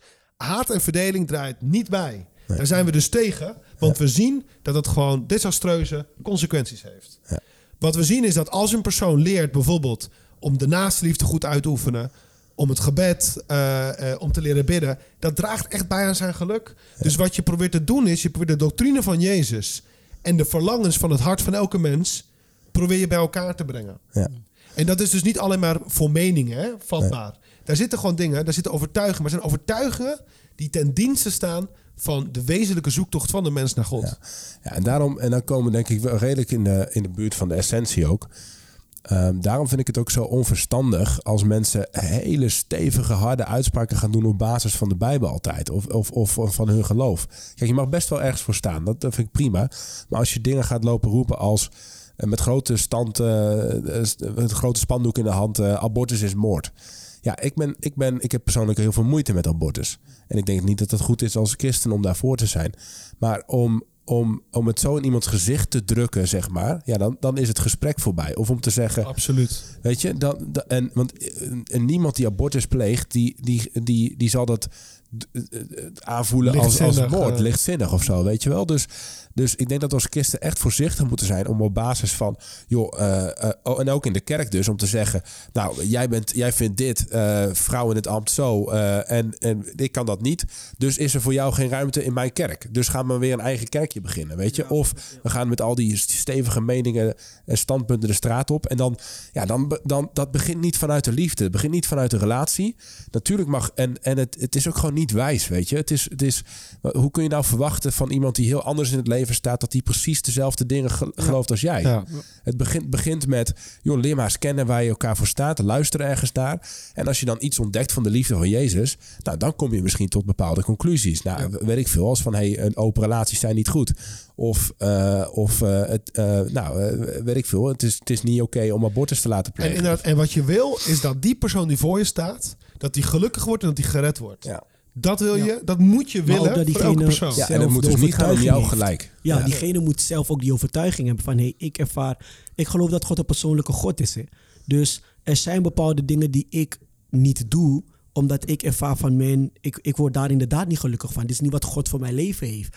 Maar iemand anders kan hetzelfde doen. Laten we het hebben over de hele dag films kijken of series kijken. Ja. Ik, ik kan dat gewoon niet, omdat ik niet ervaar dat dat een voldoening geeft aan de roeping die God op mijn leven heeft. Terwijl iemand anders daar helemaal Maar in kan zitten. even, even om toch om het voorbeeldje in te gaan. Denk jij dat het Gods roeping voor iemand is om heel de dag Netflix te kijken? Als, ja, Want ik moet zeggen, ik snap, je, ik snap het idee. Ja. En ben ik volledig met je eens. Alleen, ik denk dat God voor niemand een middelmatig lui leventje wil. nee, het is, ja, En kijk. dat je dus er ook niet ten diepste gelukkig van wordt. Dat denk ik ook. Ja, tenzij diegene misschien straks een... De, kijk, met gamen bijvoorbeeld. We, zijn, we hebben allemaal heel vaak gezegd... Ja, gamen, dit, dit, dit. Maar er zijn gewoon mensen die heel succesvol in gamen zijn. Ja. Die moeten de hele dag door Het is gamen. gewoon hun werk. Dit is Ja, gewoon hun oké, werk. maar dan... dus, dan, dan, dan, ja, oké. dus om je vraag En te als je beantwoorden... tv-recensent bent, dan is misschien Netflix kijken de hele ja, dag gewoon precies. Je moet, je moet de hele tijd reviews Dus geven We kunnen ook een anti-Netflix en een pro-Netflix Netflix kerk oprichten. Nee, maar bijvoorbeeld een voorbeeld die jij noemde, want dit vind ik een heel mooie, de zaak van abortus. Ja. Want inderdaad, die, die vrouw die heeft misschien duizend en één reden om het wel te doen en, en het is complex. Maar bijvoorbeeld als je zegt van ik wil het geluk van die vrouw. En ten tweede, wat is natuurlijk belangrijk, als jij de overtuiging hebt, het besef van wat zij naar buik draagt is een leven en dus gewild door God. Maar dat jij wil, jij wil dat die vrouw gelukkig wordt en dat ze gered wordt en dat, het, en dat wat er in haar lichaam is, dat het echt een, een mens is, dan ga je het ook heel anders tegemoet. ja. Maar, want dat is wel belangrijk. Ik wil bijvoorbeeld niet zeggen. Kijk, als jij anders over abortus denkt. Ja, weet je, we hebben allemaal andere meningen. Nee, je mag je, best, van mening verschillen. Dat vind ik ook je belangrijk. mag ook hoor. echt overtuigingen hebben. En je, mag Ja. ook, en je mag ook echt proberen het te overbrengen. Van kijk, Ja. op basis niet alleen van godsdienstovertuiging. Maar vooral van, van, van, ook van weten- wetenschap en van allerlei andere overtuigingen. Jij hebt een leven daar. En je wordt op den duur Ja. veel gelukkiger. Ja. Als, je, als jij dat, dat leven in bezit neemt. Als je dat als een geschenk aanvaardt. Nee, en dus en ik wil je daarbij helpen. Ja, en dus moet elke uit, uiting zijn van ons als, als christen, überhaupt als mens, gewoon, eh, ieder mens zou zich daaraan moeten, is helpt dit? Brengt dit meer goeds in deze wereld? Ja. Eh, of, of niet, zeg maar. En laat het iets zien van wie Jezus eh, zou, zou, z- zou zijn in deze situatie. En, en, en dat is gewoon, en dan, ja, weet je, de dingen die waar we mee het gesprek begonnen, hè? dus die, die gekke gasten die, eh, die, die, eh, die witte en Chinese slaaf maken, of eh, weet ik veel, eh, eh, andere christenen die zich heel erg ergens op voor laten schrijven, of mensen die, die homo's uit de kerk zetten, of weet ik veel wat. Ja, dat is zo niet van, van, van God dat ik denk, hoe, hoe, kom je, hoe kom je daarbij, zeg maar? Dan, dan, eh, dan is bij mij dus dat, dat ik denk, ja, dan, dan ben je dus bezig met je eigen gelijk, met je eigen agenda, met je eigen dingen. Ja. En dan is bij mij op een gegeven moment ook wel een keer dat ik denk, ja, daar, weet je, we kunnen misschien best eens zijn over bepaalde dingen. En ik zie ook wel dat jij misschien van je kinderen houdt of dat je nog wat van je leven probeert te maken. Maar we, eh, het is wel, het is echt niet iets van, van, van God of van Jezus, Ja. wat mij betreft. Dan in, weet je, dus de, de, de- eh, aan de vruchten herkent men de boom ook of zo, weet je wel? Maar, en dat betekent niet, en volgens, volgens mij is dat een beetje hetzelfde wat jij zegt, betekent niet dat je geen regels of overtuigingen kan Nee. hebben. En dat betekent dus ook niet dat het. Ik bedoel, je hebt ook iets als Gods rechtvaardigheid. Je hebt ook, dat betekent ook zeggen dat de liefde is niet altijd leuk. Soms is de liefde pijnlijk. Ja. Soms is de liefde ook dat je door een tranendal gaat of dat je even moet doorbijten. En dat mag. En zelfs goed dat je dat als kerk ook echt predikt. Dus het gaat er niet om dat alles een soort leuk, lief, een soort weilandje waar we allemaal een beetje huppelend met bloemetjes doorheen gaan. Want dat is niet Paul het christendom. meer huppelen en knuffelen. Ja, man, ik bedoel, het christendom is ook gewoon het kruis dragen. Het is ook gewoon doorbijten. Ja. Het is gewoon een diep geluk, maar het is niet een instant gratification. Althans, soms wel. Maar vaak is het doorbijten. het is niet en als die- kerk mag je dat echt wel prediken. Ja. En dan hoef je niet aan alle grillen die op elk moment ontstaan toe te geven. Nee. Want maar wat je voor ogen moet hebben is het menselijk geluk en de menselijke redding. Dat moet je voor ogen hebben. Ja. Ja, ik word heel... eh, Nee, helder. En dat is dus, en dus als je dit nu luistert, of we, als we dit luisteren, in ons eigen leven moeten we het ook continu doen. Maar wat draagt jouw comment als ik dan soms bij, bij andere christenen of bij christelijke leiders dingen online zie verschijnen op wat ze doen?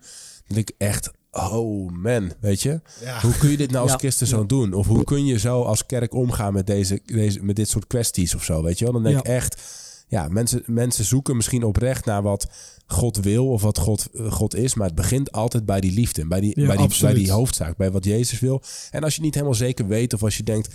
Nou, weet je... eh, eh, hou dan even je klep. Probeer dan wijsheid te zoeken eerst... Ja. voordat je allerlei comments gaat achterlaten... die mensen alleen maar ja, beschadigen. Ja, Ja, want sowieso verdeeldheid en belediging, dat, Ja. dat, is nooit, dat is gewoon nooit goed. Nee. Dus in, in, inhoudelijk discussiëren en van mening verschillen... en mensen proberen mee te krijgen... In bepa- dat, is, dat is prima. Maar wel vanuit die basis, ja. ja. ja. Ik, nog, nog één voorbeeldje, want ik vind het ook glashelder. Een kerk in de jaren zeventig, die is een beetje meegegaan met de seksuele revolutie en zegt... Ja, porno, weet je, het is lichamelijke bevrijding, daar moeten we toestaan. En stel je voor dat jouw kerk toen de tijd had gezegd... Sorry, nee, dat is gewoon een zonde. En het is een zonde onder andere, want het maakt het geluk van de mens kapot. Die tweede kerk, die is niet soort dogmatisch fascistisch bezig. Die is echt vanuit een visie over geluk en over liefde... probeert aan te geven, dit is niet wat de mens gelukkig gaat maken. Terwijl die andere die misschien heel tolerant lijkt... Ja. juist misschien op het verkeerde pad is. Ja. Wat inmiddels wel wat duidelijker is... met alle in- nieuwe inzichten die zijn over porno. Maar ik vind het wel een mooi voorbeeld van hoe de liefde... en de overtuiging Ja. echt wel samen kunnen gaan. Dat het niet altijd wil zeggen dat je vrijblijvend hoeft te zijn. Nee, dat niet. Maar wel met het juiste, met zicht op het juiste en met, en met een stukje terughoudendheid ook. Hè? Dus het, ge- Dat is waar. P- het- vo- voorzichtigheid. het- voorzichtigheid. Ja. Ik, ik snap heel goed waarom God, zich, eh, waarom God zich de vader noemt. Het is echt een vader en een, en een kindrelatie dit. Je, je gaat je kind ook niet als je kind één ding fout doet gelijk zeggen... nou eh, Kees, ga maar eh, voor de rest van je leven in het hoekje staan... en je hoeft verder niks meer te doen. Ja. Je, je, je geeft de ruimte om je kind fouten te laten maken... maar je bent altijd available voor je kind. En dat, dat is gewoon wat God is voor ons. Mooi. Ehm, misschien goed om. eh, kijk, we hebben een. Je, je stelde toen straks nog even een paar vragen, Godwin. Van hey, wat mag er wel niet Ja. in jouw kerk? Van homoseksualiteit, al dat soort dingen. Ja, daar, daar kunnen we van allerlei context bij geven. En allerlei verhalen en, en, en achtergronden en gesprekken over voeren. Nou, wellicht kunnen we daar in andere afleveringen nog wel eens bij stilstaan. Bij specifieke van die onderwerpen. Van hey, wat is het goede? Wat is goed, beter, best als het gaat om nou, homoseksualiteit. Of als het gaat om, eh, weet ik veel, dat soort zaken. Het huwelijk. Het huwelijk. Ja. Of eh, ma- ma- weet je wat als relatie kapot gaat. Nou, LGTB. eh, daar kunnen we van alles nog over, over zeggen. Ja. Misschien voelt dat voor nu te ver. Voor nu denk ik dat, de- dat we op zoek waren naar de vraag van... nou, eh, waarom is eenheid belangrijk? En, en hoe ga je dan om met die verschillen, zeg maar? En, en nou, eigenlijk zijn- hebben we gezegd... ehm, onderscheid goed wat hoofd- en bijzaken zijn. Zeg maar, hè? Als, als christenen bijvoorbeeld... en überhaupt waar het in het leven over gaat... of je nou christen bent of niet christen... bedenk gewoon, helpt dit bij de, gaat dit om de liefde? Gaat dit om, om goede dingen? En in ons geval... eh, het, het hart is Jezus. Ja. En daaromheen heb je dingen die steeds minder belangrijk worden, zeg maar. Dus eh, de, de vraag, is Jezus God, is nog best wel een belangrijk. Kun je best wel Ja. stevig over verschillen met elkaar.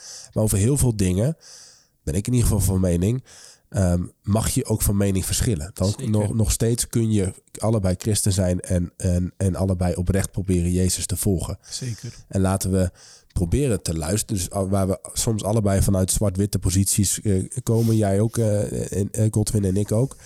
Ehm, dat, je, dat je probeert te Ik luisteren naar, en daar wat daarvan van te leren met elkaar. Zeg maar, en in gesprek Ja. te gaan. Daar niet bang voor bent. Dus eer- meer luisteren. Eerder eh, begrijpen dan begrepen worden. Eerder, eerder de liefde dan je gelijk halen de hele tijd. Ja. En tegelijkertijd, je mag best van mening verschillen. Je, hoeft, je mag best ergens voor staan.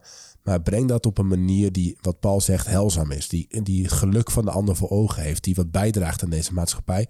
En ga niet online of offline lekker je eigen gelijkje zitten halen. En mensen af te vangen. Want dan zit je weer, en dat is precies waar het, waar het in de kern om gaat, zeg maar. Dan ben je, dan ben je werelds bezig. Ja. Zeg maar, dan de, dat is wat die, wat die Justin Welby, wat Hanne de Vries eh, aanhaalt Ja. zegt, is laten we laten zien dat je met de verschillen kunt leven. Dat je elkaar kunt respecteren. Dat je, dat je op een goede manier met elkaar kunt omgaan. Ja.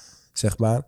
Ehm, eh, want, want dat gebeurt op heel veel plekken niet. En als we als christenen dat wel kunnen laten zien, ja, dan worden we een, een plek van echte veiligheid. Een Ja. echte, echt perspectief. Ja. En je citeerde aan het begin Augustinus. En Augustinus heeft ook gezegd... Eh, eh, je eh, oordeel nooit over een ander. Hè? Zelfs niet over jezelf. Hè? Degene die echt kan oordelen over de intenties en over het hart van de mens is God. Ja. Dus oordeel niet over mensen. Je kan wel oordelen over ideeën en overtuigingen. Ja. Maar niet over mensen. En maak ook dat onderscheid. Maak het onderscheid tussen de persoon en zijn overtuiging. Soms in gesprekken kan je best wel stellig oneens zijn met een overtuiging van iemand. Maar soms kan je ook iemand gewoon beledigen door, eh, door de persoon zelf te aan te vallen. Ja. Ja. En, en dat onderscheid is belangrijk. Trouwens, dat wordt juist van de andere kant. Ik heb het idee als het gaat over het christelijk geloof... dat het heel st- sterk wordt aangevallen op een aantal fronten... omdat dit onderscheid niet gemaakt wordt. Oh ja. Bijvoorbeeld, je kan, je kan echt wel eh, zeggen van... die persoon en zijn vrijheid, ik respecteer enorm... maar hoe die leeft of zijn overtuiging... ik denk dat dat niet goed is. Nee. En dat betekent niet dat je die persoon zelf hoeft aan te vallen. Nee.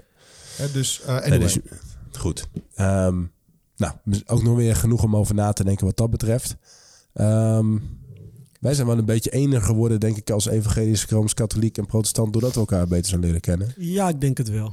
Maar we Ja. moeten nog naar elkaars kerk. Dat? Misschien dat we daarna zeggen, ja. weggillend eh. Wegrennen. Ik wilde dan net zeggen, elke aflevering zeggen we, ja, we gaan bij elkaar naar de kerk. Nou, maar, ik heb eh, het echt in mijn kop. Hè. Ik kom aan jullie kerk. Ja? Hoor. Ja, ja, absoluut. Ik, Ik- kom een keer. Alleen, ik, ik kan ook echt niet tegen christenen die zeggen dat ze dingen gaan doen, maar doen ze gewoon niet. Hè? Oh ja, ja, vreselijk. Ken jij die, man. ja, ken jij die, Oh, ja, dat ja, soort ja. christenen? Zoals mensen die hun eigen t-shirt zouden strijken, maar het toch niet doen. Kijk, kijk. Burn! Nou, we eindigen wat minder eh, één dan, eh, dan we hoopten. Ehm, we gaan in ieder geval nog even bij elkaar naar de kerk. Laten we wel plannen, mannen. Ehm, nou, als je dit hebt gehoord en je denkt, joh, eh, vond ik interessant, vond ik leuk, of ik heb vragen, of eh, oh, joh, al die eenheid, maar ik ben wel die kerk uitgetrapt, ik heb er hartstikke moeite mee. Eh, of iets in die trant. Of nou, klop even bij ons aan. Dan eh, we denken graag met je mee en of bidden voor je. Misschien moeten we ook gewoon als christenen nu, met alle hoeken die we nu aan tafel hebben, zeggen sorry. Oh? Ja, sorry dat wij jouw pijn hebben gedaan. Op welke vlak dan ook. Of het nou uit de Rooms-Katholieke Kerk kwam, uit de protestanten, uit het evangelische hoekje. Sorry. Soms moeten we dat gewoon zeggen als kerk. Sorry Ja, dat dus we je we pijn zijn hebben gedaan. vaak genoeg in dingen tekortgeschoten. Ja. Ja. Dus bij deze, sorry als jij als luisteraar gekwetst bent door whatever of wieever of welke hoek. Nou, in ieder geval, kwetsen vind ik nog niet altijd, zeg maar. Kwetsen is Nee. heel subjectief. Van, hey, is het... Dat, dat, dan kun je soms, soms raken mensen gekwetst door iets wat, nou, wat meer, meer in hun, aan hunzelf ligt of zo, of in hunzelf ligt. Maar heel veel mensen zijn tekort gedaan. Ja. dat wel, sorry op voor allerlei te- manieren. Ja. Sorry En voor, voor de dingen die we tekort. Sorry dat we door onze eigen zondes, hè, door onze eigen balk in onze gelijk, oog, eigen Ja. ego's. hè, door onze balken. eigen balken, dat we, dat we niet inzien waar jij behoefte aan had. Hè, waar, hoe wij je konden helpen, dat wel. Ja. Maar kwetsen inderdaad, soms wel. Maar soms denk ik ook, ja, weet je, ik bedoel kwetsen. Nou, het belangrijkste punt van Godwin vind ik mooi dat je daarop eindigt. Dat je zegt, joh, weet je, de, eh, daar begint het soms ook mee ruimte bieden weer. Vergeving vragen en dan eh, lekker met elkaar eh doorbakkeleien. Yes. Mooi. mooi. Mooi, zo'n soort van walvis. Super, walvis supermooi. mooi van eh, Paul Eideren. mooi. Goed, dank voor het luisteren. Tot snel. Peace. We eindigen dit seizoen maar even met onze eigen goed, beter, best tune. Misschien luister je nog maar net en misschien trek je al twee seizoenen met ons op. We willen je in ieder geval bedanken voor het luisteren. En we hopen dat je onze gouden keeltjes in 2023 weer door je oortjes, speakers of koptelefoon gaat horen. Hopelijk tot dan. Ciao.